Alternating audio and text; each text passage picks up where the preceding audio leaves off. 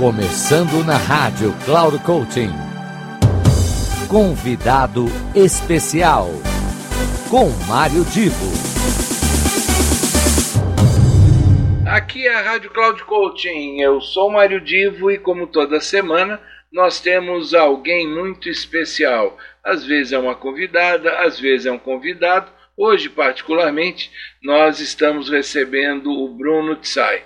Ele tem uma vocação muito grande para apoiar empresários e através das suas práticas de coaching, uh, uso de neurolinguística, inclusive de todo um trabalho voltado ao comportamento humano, o Bruno tem ajudado pessoas a aumentarem a sua produtividade e seus resultados. Hoje aqui ele vai falar sobre autossabotagem. É aquela coisa que muitas pessoas fazem, muita gente faz e que no fundo acaba jogando contra ela mesma. Então vamos ouvir o Bruno, depois eu volto para as minhas palavras finais. Ilustríssimo Mário Divo, tudo bem? Prazer estar aqui com você, obrigado pelo convite, saudações aí a todos os ouvintes.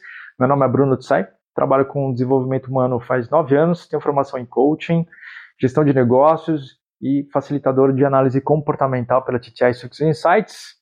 Eu atualmente toco três negócios, o principal deles é a BT Performance, que é focada em alavancar e tracionar negócios e pessoas.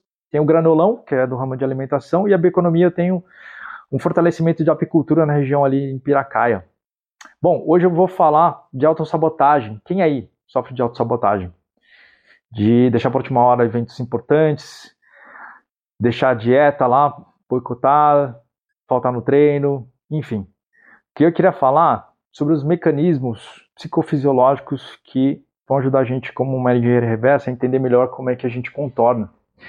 Afinal de contas, a autossabotagem, a gente não pode ignorar a nossa espécie humana como bicho, né? Que a gente tem um propósito já de evolução de milhões de anos, que é perpetuar a nossa espécie. Isso é guiado por duas metas. Uma delas é a procriação, outra é a preservação de energia buscando alimento.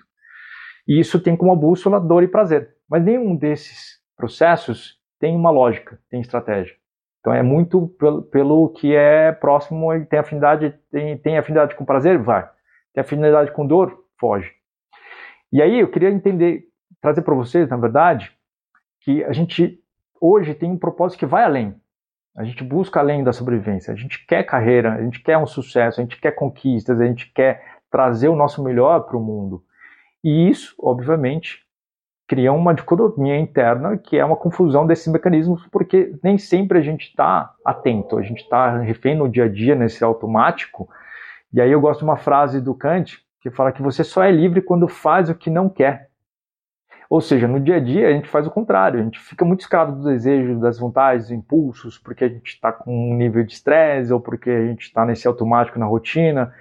Então, o que eu queria trazer aqui para vocês, essa reflexão sobre como é que a gente cria esse outro mecanismo, mas que obviamente ele é um esforço muito maior, tem um preço muito mais alto a se pagar, que vem principalmente do processo de conscientização, como é que a gente cria esses checkpoints, né? A cada tanto a gente lembrar que, opa, sair do automático, voltar, para ir calibrando.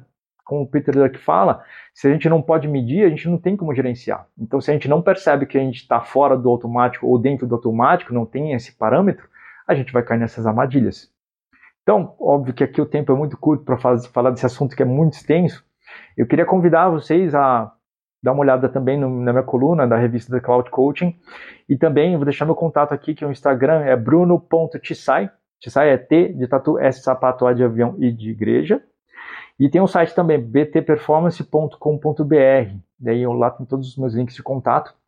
Então, para a gente continuar essa conversa, claro que Aqui eu só fiz praticamente uma provocação, mas acho que é muito interessante isso para a gente entender onde que a gente busca soluções com base em fatos e mecanismos que já são né, parte da nossa realidade que a gente muitas vezes ignora, que é a nossa espécie, que a gente também é bicho. Então é isso aí. Forte abraço a todos, obrigado. Obrigado, Mário. Pois bem, como eu avisei, o que o Bruno iria comentar é fundamental para que você tenha mais resultados e produtividade no seu dia a dia.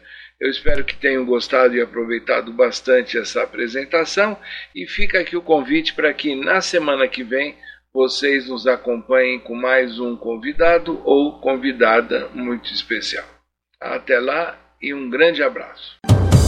Final do programa Convidado Especial.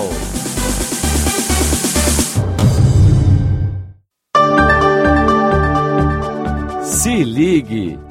Semanalmente você ouve o programa Convidado Especial, sempre na segunda-feira às 15 horas, com reprise na terça às 5 e meia da tarde e na sexta-feira às 10 horas da manhã. Quem será nosso convidado ou nossa convidada? A surpresa é nossa e a revelação e apresentação de Mário Divo, sempre aqui na Rádio Cloud Coaching. Acesse nosso site radio.cloudcoaching.com.br. Confira toda a programação e baixe nosso aplicativo na Google Store. Rádio Cloud Coaching, conduzindo você para o sucesso.